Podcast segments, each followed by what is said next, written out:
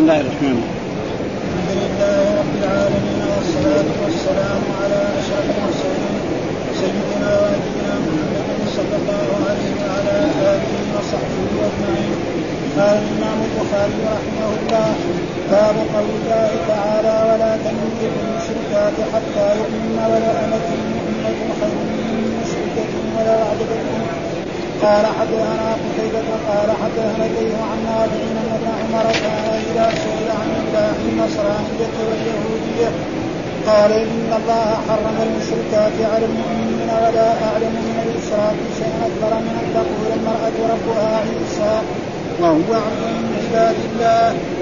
باب نكاح من المشركات وعدتهم قال حدثنا إبراهيم بن موسى قال أنبأنا هشام عن فقال عطاء عن ابن عباس كان المشركون على منزلتين من النبي صلى الله عليه وسلم والمؤمنين كانوا مشركي أهل حرب. يقاتلهم ويقاتلونهم ومشركي أهل عهد لا يقاتلهم ولا يقاتلونه فكان إذا هاجرت امرأة من أهل الحرب لم تخطب حتى تحيض وتكفر وتطهر فإذا طهرت حل لها النكاح فإن هاجر زوجها قبل أن تنكح ردت إليه. وإن هاجر عبد منهم أو أمة فهما حران ولهما مال المهاجرين ثم ذكر من أهل العهد مثل حديث المجاهد وإن هاجر عبد أو أمة للمشركين أهل العهد لم يردوا وردت أيمانهم وقال عطاء عن ابن عباس كانت قريبة بنت أبي أمية عند عمر بن الخطاب فطلقها فتزوجها معاوية. فتزوجها معاوية بن أبي سفيان وكانت أم الحكم بنت أبي سفيان تحت عياض بن غنيم فطلقها فتزوجها عبد الله بن عثمان الثقفي. باب إذا أسلمت المشركة أو النصرانية تحت الذمي أو الحرب. وقال عبد الوارث عن خالد عن عكرمة عن ابن عباس إذا أسلمت النصرانية قبل زوجها بساعة حرمت عليه. وقال داود عن إبراهيم الصائغ سئل عطاء عن امرأة من أهل العهد أسلمت ثم أسلم زوجها بردة هي امرأته؟ قال لا إلا أن هي بنكاح جديد وصداق وقال مجاهد إذا أسلم بالعدة يتزوجها. وقال الله تعالى لا هن حل لهم ولا هم يحلون لهم. وقال الحسن وقتادة المجوسيين أسلماهما على نكاحهما فإذا سبق أحدهما صاحبه وأبى الآخر كانت لا سبيل له عليها. وقال ابن جريج قلت لعطاء امرأة من المشركين جاءت إلى المسلمين فيعارض زوجها منها لقوله تعالى وآتوهن قال لا. قال لا إنما كان ذلك بين النبي صلى الله عليه وسلم وبين أهل العهد. وقال مجاهد هذا كله هو صلح بين النبي صلى الله عليه وسلم وبين قريش. قال حدثنا ابن بكير قال حدثنا الليل عن عقيل عن ابن شهاب وقال إبراهيم بن المنذر حدثني وهب قال حدثني يونس قال ابن شهاب. اخبرني عروة بن الزبير أن عائشة رضي الله عنها زوج النبي صلى الله عليه وسلم قالت كانت المؤمنات هاجرن إلى النبي صلى الله عليه وسلم يمتحنهن يمتحنهن بقول الله تعالى يا أيها الذين آمنوا إذا جاءكم المؤمنات المهاجرات فامتحنوهن إلى آخر الآية. قالت عائشة ومن أقر بهذا الشرط من المؤمنات فقد أقر بمثله وكان رسول الله صلى الله عليه وسلم إذا أقرن بذلك من قولهن قال لهن رسول الله صلى الله عليه وسلم انطلقن فقد بايعتكن لا والله ما مست يد رسول الله صلى الله عليه وسلم يد امرأة قط غير أنه بايعهن بالكلام والله ما أخذ رسول الله صلى الله عليه وسلم على النساء إلا بما أمره الله. يقول لهن إذا أخذ عليهن قد بايعتكن كلاما. يكفي أعوذ بالله من الشيطان الرجيم. بسم الله الرحمن الرحيم. الحمد لله رب العالمين والصلاة والسلام على سيدنا ونبينا محمد وعلى آله وصحبه وسلم أجمعين. باب قول الله تعالى. ولا تنكح المشركات حتى يؤمنن ولا أمة مؤمنة خير مشركة ولو أعجبتكم. ولا تنكح المشركين حتى يؤمنوا ولا عبد مؤمن خير مشرك ولو أعجبكم. أولئك يدعون إلى النار والله يدعو إلى الجنة والمغفرة بإذنه. يقول الله باب قول الله تعالى يعني باب الاستدلال بقول الله تعالى في هذه الأحكام التي لها علاقة بالنكاح وبالطلاق وبغير ذلك. ها وشرح هذه الآية. فنحن لماذا أتى الإمام البخاري بهذه الآية ليستدل بها على حكم من الأحكام. نعم الطلاق والنكاح وما يتعلق بالنكاح وغير ذلك وكذلك شرح الآية فيقول الله تعالى ولا تنكحوا المشركات.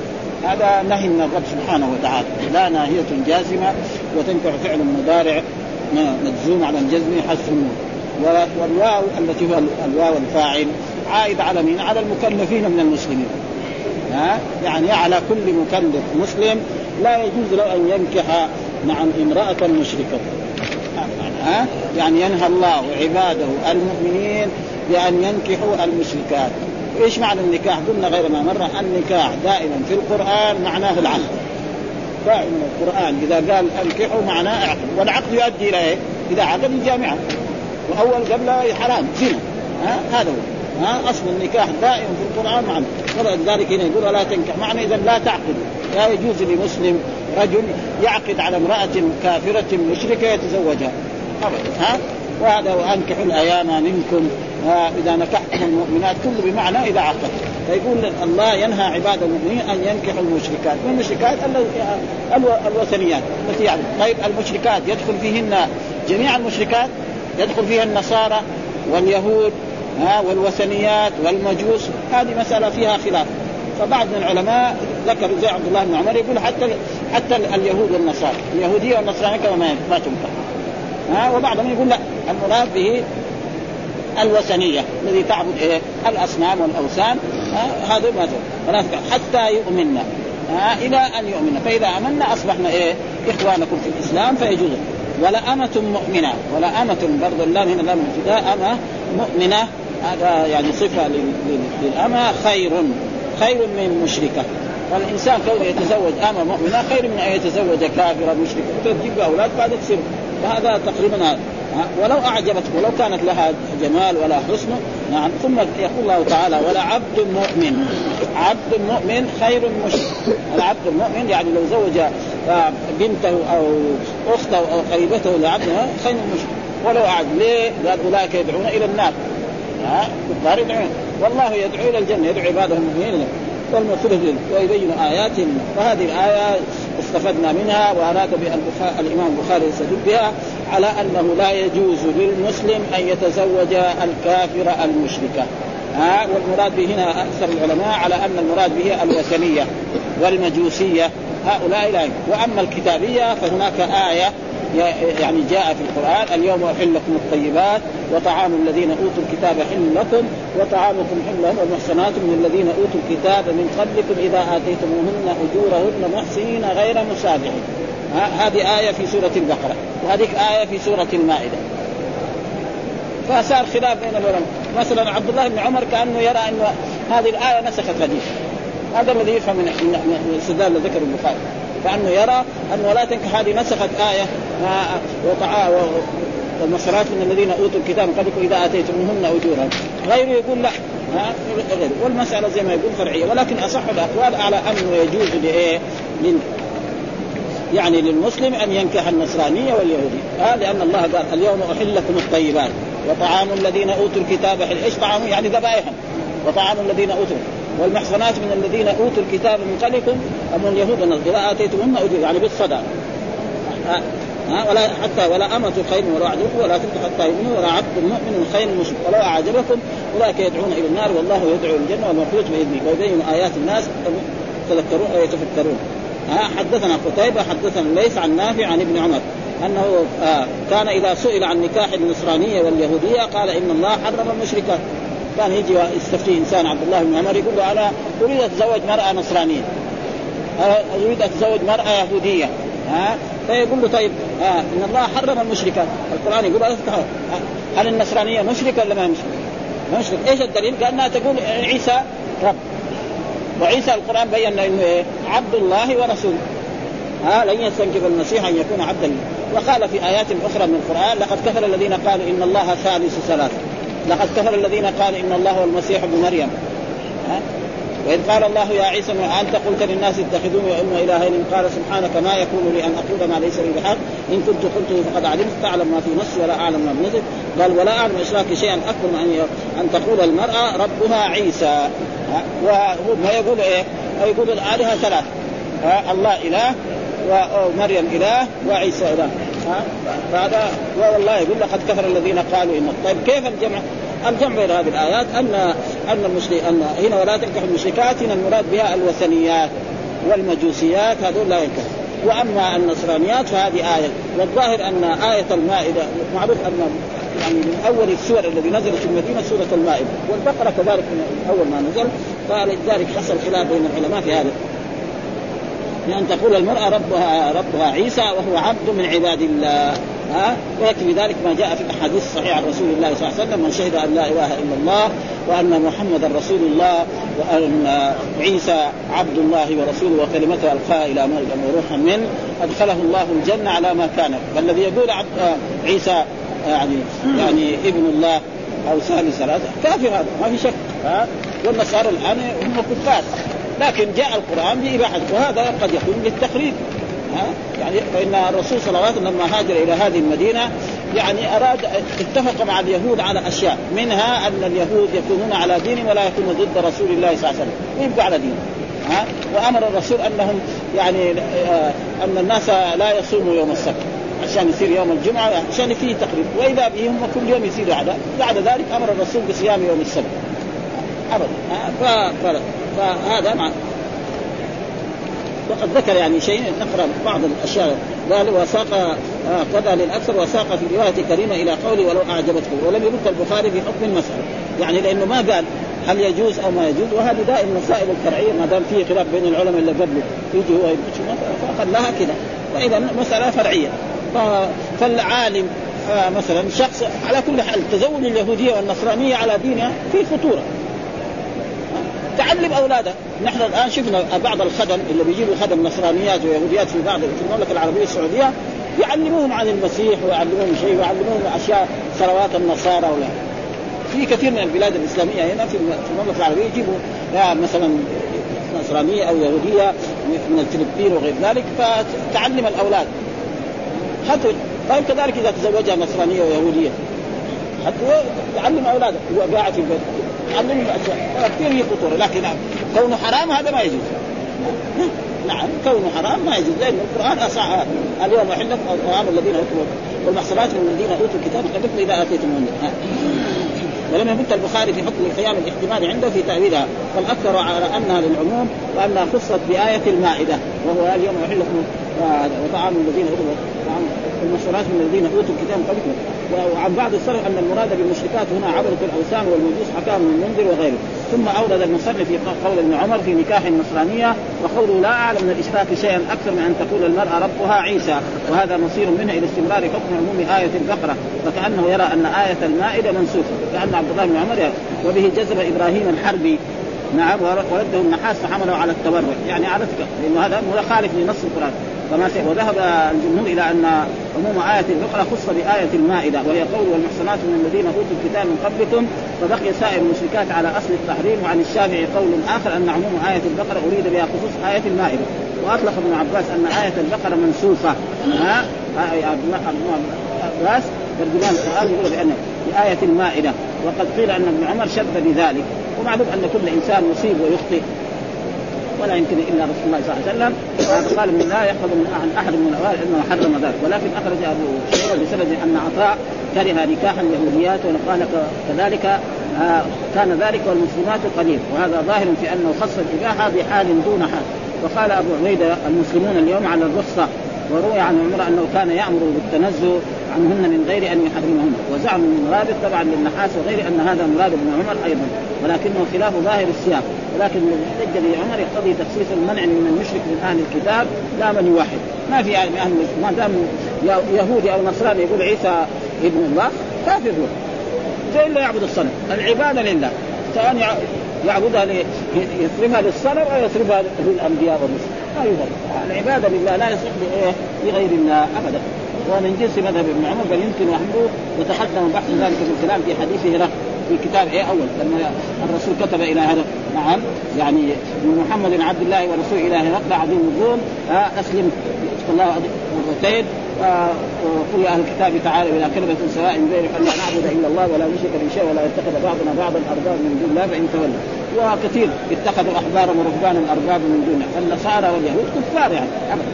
ولكن مع الأسف الشديد أن كثيرا من الكتب الحديثة تقول أن الأديان السماوية ثلاث اليهودية والنصرانية والإسلام. ويعطف بالواو كأن في درجة واحدة. ها؟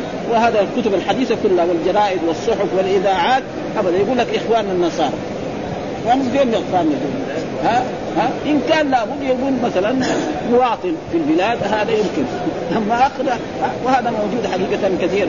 حتى أنا كنت قرأت في كتاب لشخص من الكتاب الإسلاميين يقول لا فرق بين الإنسان يذهب إلى الكنيسة ويصلي أو إلى المسجد ويصلي. فإن هذا يعبد الله وهذا يعبد الله. معلوم أن بعد القراءه الصلاة في الكنائس كيف؟ ما هي صلاة هذا لعب ده صلاة بموسيقى. إيش دخل الموسيقى؟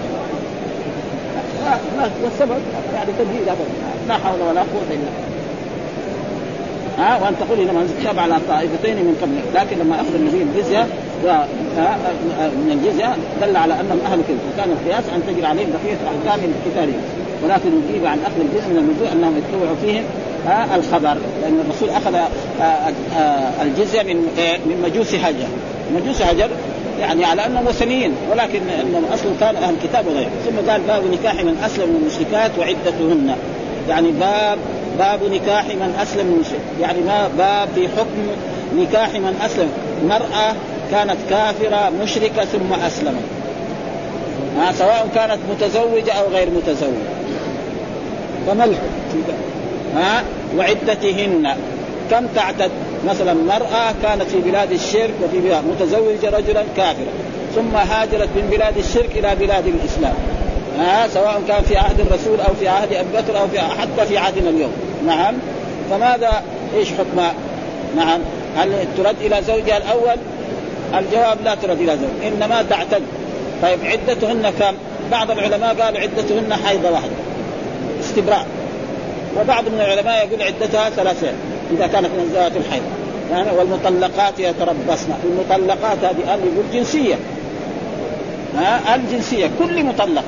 وهي لما أسلمت خلاص انفسخ إيه نكاحها مع الكافر لأنه يعني يقول إيه ولا تمسكوا بايه بعصم الكوافر فهذا معناه يبغى يبين لنا الإمام البخاري باب نكاح من أسلم من المشركات فيجوز لها إذا انتهت عدتها أن تتزوج رجلا مسلما. فإذا أسلمت وبعد ما اسلمت بعد قبل لا تنتهي عدتها جاء زوجها مسلما. يبقى على نكاحه وبعد ما يقول لا يعقد لها نكاح جديد. وعلى كل حال مسألة كذلك من المسائل الفرعية هذا باب نكاح من أسلم مسلم. وعدتهن. عدتهن. بعضهم يقول حيضة وبعضهم يقول إيه؟ ثلاثة إيه؟ هي. يعني ثلاثة قروء والقروء تقدم لنا. بعض من العلماء فسره بالحيض وبعض العلماء فسره بإيه؟ نعم بالطهر. وفي حديث عبد الله بن عمر لما لما طلق زوجته وهو حائض نعم وعمر جاء إلى النبي صلى الله عليه وسلم وقال إن عبد الله بن عمر طلق زوجته فقال مره فليراجعها ثم ليمسكها حتى تحيض ثم تطهر ثم تحيض ثم تطهر ثم إن شاء أمسكها وإن شاء طلق والإمام الحافظ يقول هذا فيه دليل على أن آه يعني الطهر هو إيه؟ هو القر استدل بهذه الآية. وكثير من العلماء مختلفون. ما هو القر؟ القر أصله في اللغة العربية يطلق على الحيض وعلى النفاق وعلى الطهر. يعني لغة في اللغة العربية. بيجي لغه في الشرع. هذا هو الفرق. زي الصلاة. الصلاة في اللغة العربية إيش معناه؟ الدعاء. وصلوا عليه معناه ادعوا لهم طيب دحين الصلاة إيش؟ لا هي أقوال وأفعال مفتتحة بالتكبير مفتتحة بالتسليم كذلك القرء فجو بعض العلماء مثلا الشافعية و... و... والمالكية يرى أن الأقراء هي الأطهار. واستدلوا بالآية. لفظ النساء فطلقوهن لعدتهن. يعني في إيه؟ في طهرهن جو الإمام حنيفه والإمام احمد يقول لا الأقراء هي إيه؟ الحيض ليه؟ قال في حديث. حديث هو في السنن يعني صحيح. آه أن المرأة الذي كانت تصبحات جاءت إلى الرسول فقال لها إذا جاء أيام قرئك فضعي الصلاة. يعني أيام قرئك يعني أيام إيه؟ حيض يعني لكن الحديث قالوا لعلنا يعني سيأتي ابحاث عن هذا آه يكون هناك يعني آه إيش قال؟ حدثنا إبراهيم بن موسى أخبرنا هشام عن ابن جريج قال عطاء عن ابن عباس كان المشركون على منزلتين. يعني المشركون في عهد الرسول كانوا على منزلتين من النبي والمؤمن. كانوا المشركين أهل حرب يقاتلهم ويقاتلوا مثل ما كان قريش آه وأهل الطائف نعم وغير ذلك من ثقيف وكثير العرب اللي كانوا في هذا. نعم هذول كان يعني يجيب. يقاتلهم ومشرك أهل عهد. لا يقاتلهم ولا يقاتلهم إذا عهد يعني عهد مثل قريش لما كان بعد صلح الحديبية الرسول ما يقاتل. وهم لا يقاتلون الرسول. وكذلك بعض الأعراب اللي فيها. وكان نعم وكان إذا هاجرت امرأة من أهل الحرب لم تخطب. يعني كان إذا هاجرت امرأة من أهل الحرب الذي يقاتلهم الرسول ويقاتلونه لم تخطب حتى تحيض حتى تحيض وتطهر تحيض هذا إيش؟ بعضهم قالوا إنها حيضة واحدة استبراء خلاص. لأن إذا حاضت حيضة واحدة معناها ما هي من زوجها الأول خلاص انتهى. وبعضهم قال لا ما دامت حرة ها تكون إيه؟ لازم ثلاثة حيض لأن القرآن يقول المطلقات يتربصن بأنفسهن ثلاثة قرون وهذا هو المسألة فإذا طهرت حل لها النكاح لها أن تتزوج أي رجل يخطبها من المسلمين تزوج. فإن هاجر زوجها قبل أن تنكح ردت إليه. ها فإن هاجر زوجها وهي لا تزال في عدة أو قبل أن تنكح ردت إليه.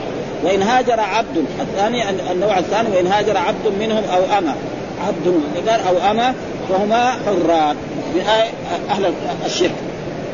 رجل عبد لمشرك هاجر إلى إلى بلاد الإسلام سواء في عهد الرسول أو في عهد أبي بكر أو في عهد إلى عهدنا هذا نعم فهما حران ولهما مال المهاجرين أحكام المهاجرين كلها تنطبق عليهم يعني حكم المهاجرين والمهاجرين لهم أجر ولهم ثواب ويخرجوا الجهاد ويصلون.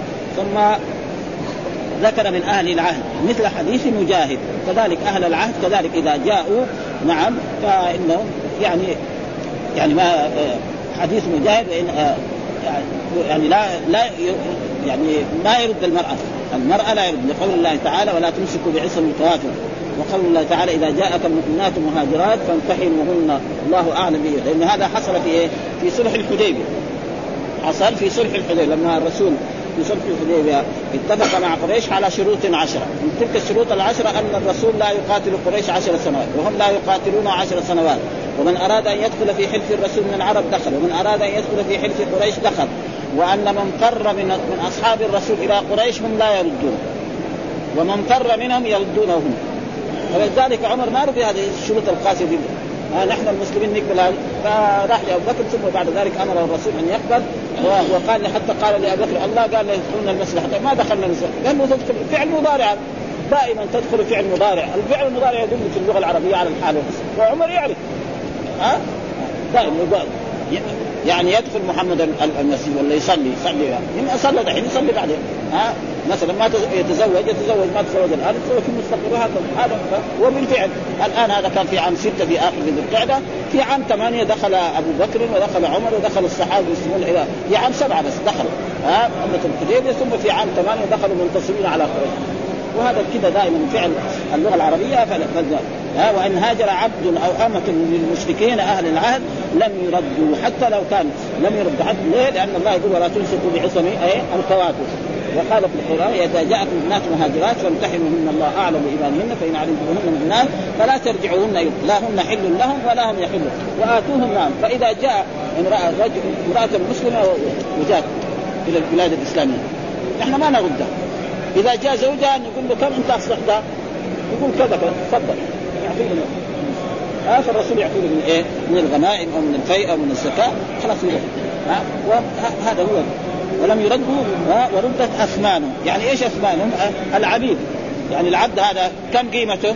ها؟ 100 يقولوا 100 و50 يعطوه. ما يرد لأنه بعدين يفتن عبد مؤمن يرد المشركين. والقران قال ولا عبد مؤمن خير إيه؟ ولو كان المشرك هذا عنده أموال وعنده أموال وعنده جاه فهذا معناه لا ثم ذكر الحديث وقال عطاء. برضه عن إيه؟ نفس الحديث الأول. وقال عطاء يعني بنفس السنة يعني معنى الحديث معنى حدثنا إبراهيم بن موسى أخبرنا هشام عن ابن جريج وقال عطاء. بنفس السند الاولاني عن ابن عباس كانت قريبة ابنة أبي أمية عند عمر بن الخطاب فطلقها فتزوجها معاوية بن أبي يعني لما أنزل الله تعالى ولا تمسكوا بعصم الكوافر. ها؟ فهل هذه قريبة كانت هنا في المدينة؟ أو كانت في مكة كان متزوجها وهاجر هو مع الرسول وهي قعدت في مكة. وكانت يعني على زواجها. حتى نزلت هذه الآية ولا تمسكوا بعصم الكوافر. فطلقها عمر بن الخطاب رضي الله تعالى عنها فلما انتهت عدتها أو قبل انتهاء على كل حال معاوية ذاك الوقت ما اسلم لأن معاوية ما أسلم إلا في عام كم؟ عام ثمانية. وهذه الآية نزلت ولا تمسكوا في عام كم؟ عام ستة من الهجرة في صلح الحديبية. هذا معنى قريبة. وبعضهم قال قريبة على كل حال. هي ابن زهير فتزوجها معاوية. وكانت أم الحكم بنت أبي سفيان تحت عياض بن غنم الفهري فطلقها فتزوجها عبد الله بن عثمان الثقفي. وهذا قول الله تعالى ولا تمسكوا بعصم الكوافر. واسألوا ما أنفقتم وليسألوا ما أنفقوا ذلك بحكم الله يحكم بينكم والله عليم حكيم. وإن فاتكم شيء من أزواجكم الكفار فعاقبتم فآتوا الذين ذهبت ازواجهم مثل ما أنفقوا واتقوا الله الذي أنتم به مؤمنون. ثم بعد ذلك قال يا أيها النبي إذا جاءك المؤمنات يبايعنك على الا يشركن بالله شيئا ولا يسرقن ولا يزنين. ولا يقتلن أولادهن ولا ياتين بهتان يدخلن بين أيديهن وأرجلهن ولا يعصينك بالمعروف ها؟ فبايعهن واستغفر لهن الله إن الله غفور رحيم. بعد ذلك أي مرأة تجي يعني مهاجرا من بلد الشرك إلى الإسلام أو إلى الرسول صلى الله عليه وسلم فكان يمتحن. الامتحان هذا إيش يقول؟ لماذا جئت من مكة إلى المدينة؟ يعني جئت للإسلام أو جئت أنت زعلانه مع زوجك؟ كنت زعلانه أو ناشزه اختصمت نحن ما نقول ها؟ أو جئت مثلا لغرض من أغراض الدنيا فإذا قالت لا ما جاءت إلا حبا لله وحبا للإسلام بايعهن الرسول صلى الله عليه وسلم. وإذا قالت جاءت لغرض من اغراض يردها إلى إلى هذا معناه الايه ها؟ فتزوجها عبد الله باب نكاح من أسلم من المشركات ها؟ وعدتهن أي قدرها. والجمهور على أنها تعتد عدة الحب لانها أصبحت حرة. ها لما وعن أبي حنيفة يكتفي أن تصبر أبي حيضة. انبانا هشام بن يوسف الصغاني وقال عطاء وهو معطوف على شيء محذوف كأنه كان في جملة أحاديث حدث بها ابن جريج عن عطاء. ثم قال وقال عطاء وقال كما قال بعد فراغه في الحديث وقال عطاء فذكر الحديث الثاني بعد سياقه بما أشار إليه من انه مثل حديث مجاهد. وفي هذا الحديث بهذا الإسناد علة كالتي قدم في تفسير سورة نوح وقد قدمت الجواب عنها وحاصلها أن أبا مسعود الدمشقي ومن تبعه جزم بأن عطاء المذكور هو الخراساني ليس عطاء يعني ابن أبي رباح. ها؟ عطاء الخرساني ما أدرك عبد الله بن عباس. أما عطاء بن أبي رباح هذا من تلاميذ عبد الله بن عباس. ها؟ فعطاء وهذا يعني علماء يتكلم بأسلوب العلم. أسلوب علم بالنسبة للعلماء الكبار عارفين هذا عطاء الخرساني وهذا عطاء. والناس العاديين طلبة العلم زي ما مثال موجود تعبانين لأنه دحين لما قال عطاء يعني أنا كنت فهمت انه عطاء بن رباح لكن البخاري عارفين والله هذا عطاء الخرساني فالفرق بين هذا وهذا. وهذا شيء معروف يعني بالنسبة لهؤلاء العلماء. ها لم يسمع من ابن عباس وحاصل الجواب جواز أن يكون الحديث عن ابن جريج بالإسناد لأن مثل ذلك لا يخفى على البخاري. مع تشدده في شرط الاتصال مع كون الذي نبه على العلة المذكور هو علي بن المديني شيخ البخاري المشهور. به وعليه يعول غالبا في هذا الفن خصوصا علم الحديث وقد ضاق مخرج الحديث على إسماعيل ثم على أبي نعيم فلم يخرجا إلا من طريق البخاري نفسه. لم تخطب ها بضم اولها حتى تحيض. وتطهر تمسك بظاهره الحنفيه واجابوا وأجاب الجمهور بأن المراد تحيض ثلاث حيض. لانها صارت باسلامها وهجرتها من الحرائر بخلاف ما لو سبيت. وقوله فإن هاجر زوجها معها يأتي الكلام عليه في الباب الذي وإن هاجر عبد منهم أي من أهل الحرب. ثم ذكر من أهل العدل مثل حديث المجاهد ويحتمل أن يعنى بحديث جابر الذي وصفه بالمثليه للكلام المذكور. هذا. وهو قول وإن هاجر عبد وأما المشركين ويحتمل أن يراد به كلاما آخر يتعلق بنساء أهل العهد العهد. وهو أول لأنه قسم المشركين قسم المشركين إلى قسمين أهل حرب وأهل عهد. وذكر حكم نساء أهل الحرب ثم ذكر حكم القائم فكانه أحال بحكم نساء أهل العهد على حديث المجاهد ثم اعقبه بذكر حكم آه، القائم. وحديث المجاهد بذلك وصله عبد بن حمير من طريق ابن أبي نجيح.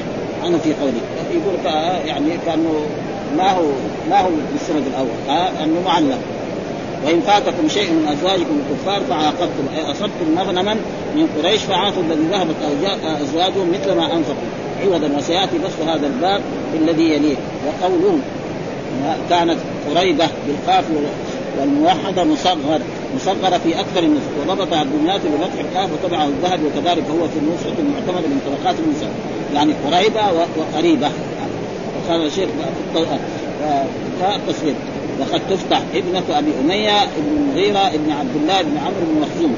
وهي أخت أم سلمة زوج النبي صلى الله عليه وسلم. وهذا ظاهر أنها لم تكن اسلمت في هذا الوقت وهو ما بين عمرة الحديبية وفتح. وفيه نظر لأنه ثبت في النساء بسند صحيح من طريق أبي بكر عن أم سلمة في قصة تزويج النبي صلى الله عليه وسلم بها. ها وكانت أم سلمة ترضع زينب ابنها فجاء عمار فأخذها. فجاء النبي فقال أين الزنانب يعني زينب؟ فقالت قريبه بنت أبي سلمة صادفها عند فاخذ عمار الحديث وهذا يقول انها هاجرت قديما لأن تزويج النبي صلى الله عليه وسلم بأم سلمة كان بعد أحد ما قبل الحديث بثلاث سنين أو أكثر ولكن يحتمل أن تكون جاءت إلى المدينة زائرة لأختها قبل ان أو كانت مقيمة عند زوجها عمر على دينها قبل أن تنزل الآية وليس في مجرد كونها كانت حاضرة عند تزويج أختها أن تكون حينئذ مسلمة. يعني لا يلزم ها؟ قد تكون في مكة وقد تكون جاءت زائرة إلى المدينة وحسب ولا تمسكوا بعصم الأطراف فذكر القصة وفيها فطلق عمر امرأتين كانتا له بمكة. والظاهر أنه كنا في مكة لم يهاجرن مع عمر. أنها كانت مقيمة ولا يرد انها أنها جاءت زائرة. ويحتمل أن تكون لأم سلمة أختان كل منهما تسمى قريبة. تقدم اسلام احدهما وهي التي كانت حاضرة عند تزويج ام وتأخر اسلام الأخرى وهي المذكورة. وهذا كذلك ممكن. ولا تمسكوا طلقت امرأتي. طلقت امرأتي حروى بنت ربيعة بن الحارث بن عبد الله وطلق عمر قريبة وأم كلثوم بنت جروة. وقد روى الطبراني من طريق سلمة بن قال لما نزلت هذه الآية طلق عمر قريبة وأم كلثوم. وطلق طلحة أروى بنت ربيعة. ففرق بينهما حتى نزلت ولا حتى نزل ولا تمسك بعصم. ثم تزوجها بعد أن أسلمت. خالد بن سعيد العاصي واختلف في ترك رد النساء إلى إلى أهل مكة مع وقوع الصلح بينهم وبين المسلمين في الحديبية على أن من جاء منهم إلى المسلمين ردوه ومن جاء من المسلمين إليهم يرد. هل نسخ حكم النساء في ذلك؟ نعم. الجواب نسخ لأن الله قال ولا يعني تؤتون ما لا تمسكوا عصا الكافر. وليسألوا ما أنفقتم وليسألوا ما أنفقتم. إيه؟ الآية ولا تمسكوا بعصا الكافر. إيش بقيه الايه؟ واسألوا ما أنفقتم وليسألوا ما أنفقوا. ذلك حكم الله يحكم بينكم. ها؟ هم يطالبوا بصداق زوجاتهم اللاتي هاجرن إليكم وأنتم تطالبون كذلك بزوجات الكافرات التي بقين على الكفر أو رجعن إلى الكفر. فهذا معناه الآية. وقال وإذا جاءت المؤمنات مهاجرات فامتحنوهن. الله أعلم بإيمانهن فإن علمتموهن مؤمنات فلا ترجعوهن إلى الكفار. لا هن حل لهم ولا فلا الايه ولا تنكحوا المشركات حتى يؤمنوا. ها؟ ولا أمة مؤمنة هذا لا يجوز أبدا. واستشكل هذا بما بما في الصحيح أن سبيعة ماتت عند سعد بن خولة وهو من شهد بدر في حج فإنه دل على أنها تقدمت هجرتها بهجره زوج ويمكن الجمع بأن يكون سعد بن خولة إنما تزوجها بعد أن هاجرت ويكون الزواج الذي جاء الزوج الذي جاء في طلبها ولم ترد عليه لم يسلم يومئذ. ثم ذكر باب إذا أسلمت المشركة أو النصرانية تحت الذم أو الحرب. وقال عبد الوارث عن خالد عن عكرمة عن إذا أسلمت النصارى باب يعني ما الحكم إذا أسلمت المشركة أو النصرانية تحت الذم ها؟ مثلا آه، مرأة مشركة وكان زوجها ذمي، إيش الذمي؟ اليهودي والنصراني الذي تحت ذمة المسلم. هذا معنى. زي اليهود الذين كانوا في إيه؟ نعم في عهد الرسول صلى الله عليه وسلم. يعني آه، النصارى واليهود الذي يكون تحت الذمة. اذا اسلمت المشرك أو النصراني تحت الذم أو الحربي تحت الذم الذي هو يهودي والحربي الذي هو مشرك وكان يقاتل المسلمين قال وقال عبد الوارث عن خالد عن عكرمة عن ابن عبد وهذا تعليق. إذا أسلمت النصرانية قبل زوجها بساعة حرمت عليه. إذا أسلمت النصرانية لأن القرآن ولا تكبح المشركات حتى خلاص. بساعة حرم وقال داود عن إبراهيم الصائغ سئل عطاء وهو عطاء بن ربيعة عن امرأة من أهل العد أسلمت ثم أسلم زوجها في العدة. اهي امرأته؟ قال لا لا. أبدا. ها لأن لما أسلمت خلاص أصبح يعني فسخ النكاح. وإذا فسخ النكاح لا يرجع. هذا هذا معناه أن هذا فسخ. ليس يعني طلاق حتى حتى رجع إلا أن تشاء هي بنكاح جديد. إذا رأت هي يعني يعقد عليها عقد جديد وصداق وأما هذا وقال مجاهد إذا أسلم في العدة يتزوج. إذا أسلم في العدة يتزوج. ها لأن القرآن معلوم أن المطلق طلاقا رجعيا إذا ما هو فسق يعني يكون إيه؟ طلاق يعني غير بائن. طلاق غير بائن. هذا ما يقول إيه؟ لازم. يتزوج. ها؟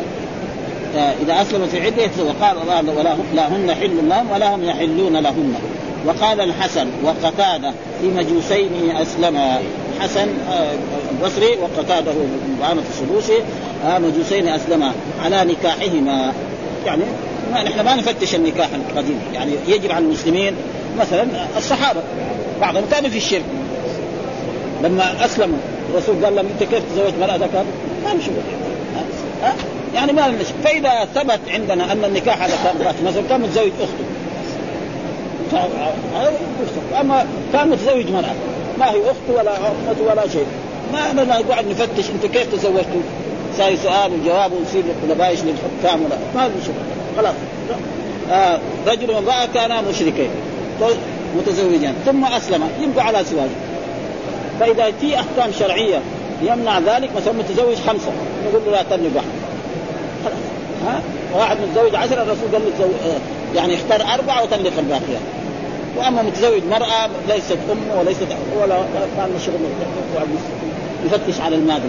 وهذه أشياء يعني يجب على هذا وإذا سبق أحدهما صاحبه وارى الآخر لعنت يعني صار إيه؟ نكاح لا سبيل. قال ابن جرير قلت لعطاء امرأة من المشركين جاءت إلى المسلمين. أيعاوض زوجها منها بقوله وآتوهم ما قال لا. ها؟ قال ابن جريج قلت لعطاء امرأة المشركين جاءت إلى المسلمين. أيعاوض يعني إذا جاءت نعطي لزوجها هذا هذا وآتوهم ما أنفقوا قال لا إنما كان ذلك بين النبي وبين أهل العهد. هذاك بين أهل العهد الذي كان قريش هذا. ها؟ هذا إنه كان هذا صار إيه؟ في صلح الحديبية. حصل بين الرسول وبين قريش اتفاق. من الاتفاق عشر شهور. منها أن الرسول لا يحاربهم عشر سنين وهم لا يحاربونه وأن الرسول لا يدخل مكة في هذا العام وفي العام السابع يدخل إلى مكة ويقيم ثلاثة أيام ويخرج. وأن من فر من قريش إلى الرسول الرسول يرد. ومن فر من أصحاب الرسول إلى قريش لا يرد. فكان اتفقوا على وإذا به في تلك الاثناء صار بعض الناس يجوا يسلموا. ها؟ رجال يجوا المدينة هنا يسلموا فيجوا جماعتهم فيقول لهم خذوه. فيأخذون حسب الشروط. ها؟ فلكن هؤلاء الشباب بعد ذلك ماذا فعلوا؟ خرجوا إلى مكة وراحوا هناك جهة جنبه ها؟ أو جهة جدة هناك قعدوا بقوافل قريش. كل تجارة رايحة لليمن ينهبوها. فجوا للرسول قال خذوا ما عندك. ها نحن ما قادرين لا نتاجر ولا شيء ولا بيع ولا شراء ولا تجارة. ابدا. فجاء المخرج لهم وإلا هذا بعد ذلك الله نسخ حكم النساء. هم قالوا حتى النساء. إنه قالوا من فر منهم. فرقت بينهم يشمل الرجال. فجاء القرآن ولا لا أما النساء لا. لا ترجعون إلى الكفار. لا هن حل لهم ولا فالمرأة الذي تأتي من مكة وهي مسلمه الرسول لا يردها إليه. أما الرجل يرده. وردوا بعضهم يعني منها يعني آه رجلان أحدهما إلى إلى يعني إلى الحديب أبيار علي هنا يعني في ذو الحليفه فقال لهم هذا إيش السيف أخذوا دغري ضرب واحد منهم وقتل. والثاني فرجع إلى الرسول صلى الله عليه وسلم. يعني مر على دراسته مثل هذه الاشياء وبالفعل يعني في الآخر قالوا لهم لا لا خذوهم عندكم ونحن نرتاح منهم لأنه حرموا عليهم أشياء التي كان ذلك. يعاوض انما كان ذلك بين النبي وبين أهل العهد يعني صلح الحديبية. وقال مجاهد هذا كله صلح بين النبي وبين قريش متى في صلح الحديبية. وصلح الحديبية ذاك كان صلح ها ثم قال ذكر الحديث حدثنا يحيى بن بكير حدثنا الليث عن عقيب عن ابن شهاب قال إبراهيم بن المنذر حدثني ابن وهب حدثني يونس قال ابن شهاب أخبرني عروة بن سلير أن عائشة رضي الله تعالى زوج النبي صلى الله عليه وسلم قالت كانت المؤمنات إذا هاجرن إلى النبي يمتحنهن. ها؟ ويقول لها لماذا جئت من مكة إليه ها؟ هل بينك وبين زوجك خصومة أو شقاق؟ نعم أو هذا؟ فإذا قالت لا. طيب لماذا جئت؟ قالت حبا لله ولرسوله صلى الله عليه وسلم حبا للإسلام. فإذا قالت كذلك نعم لا يردها. وإذا قالت لغير ذلك هذا معناه امتحن. إذا جاء فامتحنون. أو هذا ولنا الظاهر. فإذا كذبت هي الله دائما الإسلام له الظاهر. ما له إلا ها؟ قالت عائشة ومن أقر بهذه الشروط وهو يعني دائما ما تمتحنهم واعلم يعني علمتم منهم فلا فان علمتم منهم الناس ولا ترجعون إلى الكفار. لا هن حل لهم ولا هم حل واتوا ما انفق ولا جناح عليكم أن تنكحن إذا آتيتموهن أجورهن. ولا تمسكوا بعصم الطواف. واسألوا ما أنفقتم. وليسألوا ما أنفقوا. ذلك من حكم الله يحكم الله. وإن فاتكم شيء من ازواجكم الكفار فعاقبتم فآتوا الذين ذهبت ازواجهم مثل ما أنفقوا. واتقوا الله الذي أنتم. ثم قال يا أيها النبي إذا جاءك المؤمنات يبايعنك على الا يشركن بالله شيئا. هذا واحد. ولا يسرقن. ولا يزنين. ولا يقتلن أولادهن بين أيديهن. ولا يقتلن بين أيديهن وأرجلهن؟ ولا إيه؟ ولا ياتين ببهتان ولا ياتين بهتان يقتلن بين أيديهن وأرجلهن ولا يعصينك في معروف فبايعهن واستغفر لهن الله. بهذا الشرط. ها؟ تبطل كانت تزني تبطل الزنا. وكانت تشرك خلاص فهذا يبايع وكان الرسول يبايعهن باللسان يعني الرسول ما يصافح الرجال كان يصافحهم يبايعهم وأما النساء فلم يبايع. الآن كثير من الناس يعني في عصرنا هذا يعني يصافح النساء التي غير والإنسان إذا شدد في هذا الموضوع كمان يبقى يقعد مع مشاكل مع ها يروح المستشفى مرأة ما يعرفها ولا تعرفها.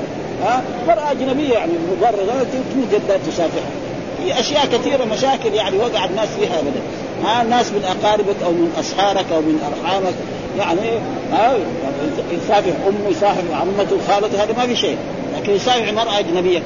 زوجة أخيه زوجة عمي زوجة خالي هذه كل هذه أشياء. الرسول ما في أكثر من الرسول صلى الله عليه وسلم ومع ذلك كان يبايع النساء ولا يصافحون والرسول هو القدوة. ولذلك يعني الناس كثير في أشياء. وإذا شدد في هذا الموضوع يختلف مع أهله ومع أقاربه ومع هذا.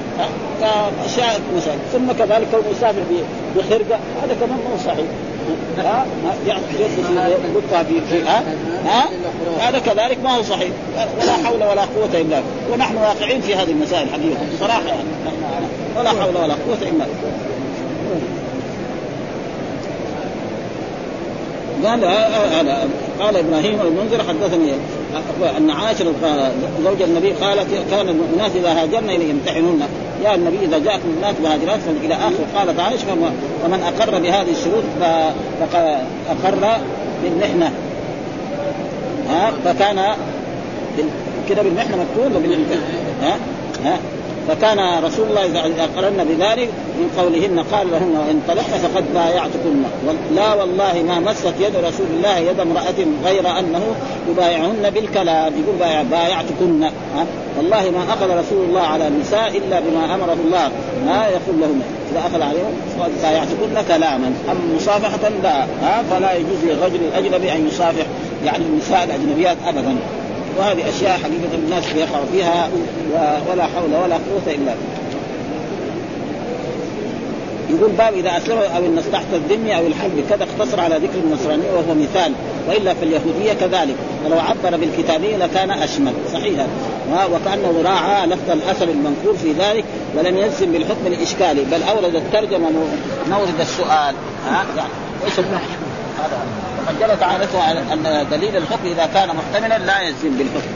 والمراد بالترجمه بيان حكم إسلام المرأة قبل زوجها هل تقع الفرقة بينهما بمجرد إسلامها أو يثبت لها الخيار أو يوقف في العدة فإن أسلم استمر النكاح ها وإلا وقعت الفرقة بينهما وفيه خلاف مشهور وتفاصيل يطول شرحها. وميل وميل البخاري إلى أن الفرقة تقع بمجرد الاسلام كما سأبين. وقال عبد الوارث وهو حذاء عن عكرمة عن ابن لم يقع لي موصولا عن الله لكن أخرج ابن أبي شيبة عن عباد بن العوام عن قال ابن حذاء إذا أسلمت النصرانية قبل زوجها بساعة حرمت وهو عام في المدخول بها وغيره. ولكن قوله حرمت عليه ليس بصريح في المراد. ووقع في روايه ابن أبي شيبة فهي أملك بنفسها. وأخرج الصحابي من طريق أيوب عن عكرمة عن ابن عباس في اليهودية وتكون تحت اليهود أو النصارى فتسلم. فقال يفرق بينهما الإسلام. يعلو ولا يعلى عليه. وسنده صحيح. وقال أبو داود وهو ابن الفرات. ابو الفرات عمرو بن الفرات وإبراهيم الصائب وهو ابن ميمون. سئل عطاء وهو ابن أبي رباح. هذا عطاء بن ابي عطاء عن امرأة من أهل العهد أسلمت ثم ثم أسلم زوجها هي امرأته قال لا إلا أن تشاء. هي بنكاح جديد وصداق وصل ابن أبي شيبة من وجه اخر عن عطاء بمعناه وهو ظاهر أن الفرقة تقع بإسلام أحد الزوجين ولكن تنتظر اقتضاء العدة. وقال إذا أسلم في العدة يتزوجها. وصله الطبري من طريق أبي نجيح عن قوله. قال الله وهذا ظاهر في اختيار القول الماضي فإنه كلام البخاري وهو استدلال منه لتقوية قول عطاء المذكور في هذا الباب وهو معارض في الظاهر بروايته عن ابن عباس في الباب الذي قبله وهو قول لم تخطب حتى تحيد يعني لأنه كده في الجبال ويجمع بينهما لأنه كان يحتمل أن يراد بقول لم تخطب حتى تحيض وانتظار إسلام زوجها ما دامت في عدتها ويحتمل أيضا تأخير الخطبه إنما هو لكون المعتده لا تخطب ما دامت في العدة. فعلى هذا الثاني لا يبقى بين الخبرين تعارض. وقال الحسن وقتادة في مجوسين أسلما هما على نكاح. إذا سبق أحدهما صاحبه بالإسلام ها ولا لا سبيل له عليها. وأما اثر الحسن فوصل ابن أبي شيبة بسند صحيح ولفظ فإن أسلم أحدهما قبل صاحبه فقد انقطع ما بينهما من ومن وجه آخر صحيح بلفظ قد بانت منه. وأما اثر قتادة فوصل ابن أبي شيبة أيضا بسند صحيح بلفظ إذا سبق أحدهما صاحبه فلا سبيل عليها إلا بخطبة. وأخرج أيضا من آه آه عن عكرمه وكتاب عمر بن عبد العزيز نحو ذلك. قال لعطاء امرأة من المشركين اول في هذا الكلام يعارض زوجها. واتوهم أنفق قال لأنما إنما كان ذلك بين النبي وبين أهل العلم. وصل عبد الرزاق عن عن قال قلت لعطاء أرأيت اليوم امرأة من أهل الشرك؟ فذكره سواء وعن معمر عن الزهري بقول مجاهد أن آتي وقد انقطع ذلك يوم الفتح. فلا يعارض زوجها منها بشيء فقال هذا كله في صلح بين النبي وبين قريش. وصل ابن أبي حاتم عن مجاهد في قوله واسألوا ما أنفقتم وليسألوا ما أنفقوا. وأما ما أخرجه الطبري أيضا والبزار من طريق قال والله ما خرجت عن بغض زوج والله ما خرجت رغبة عن أرض عن عن أرض أرض إلى أرض. والله ما خرجت التماس دنيا والله ما خرجت إلا حبا لله ولرسوله. اول تقول أشهد أن لا إله إلا الله وأن محمدا رسول الله وما خرج لبغض الزوج وما خرج كذلك رغبة عن أرض. يعني تكره مثلا البلد إلا فيها إلى بلدة ثانية فلا فلا فلا.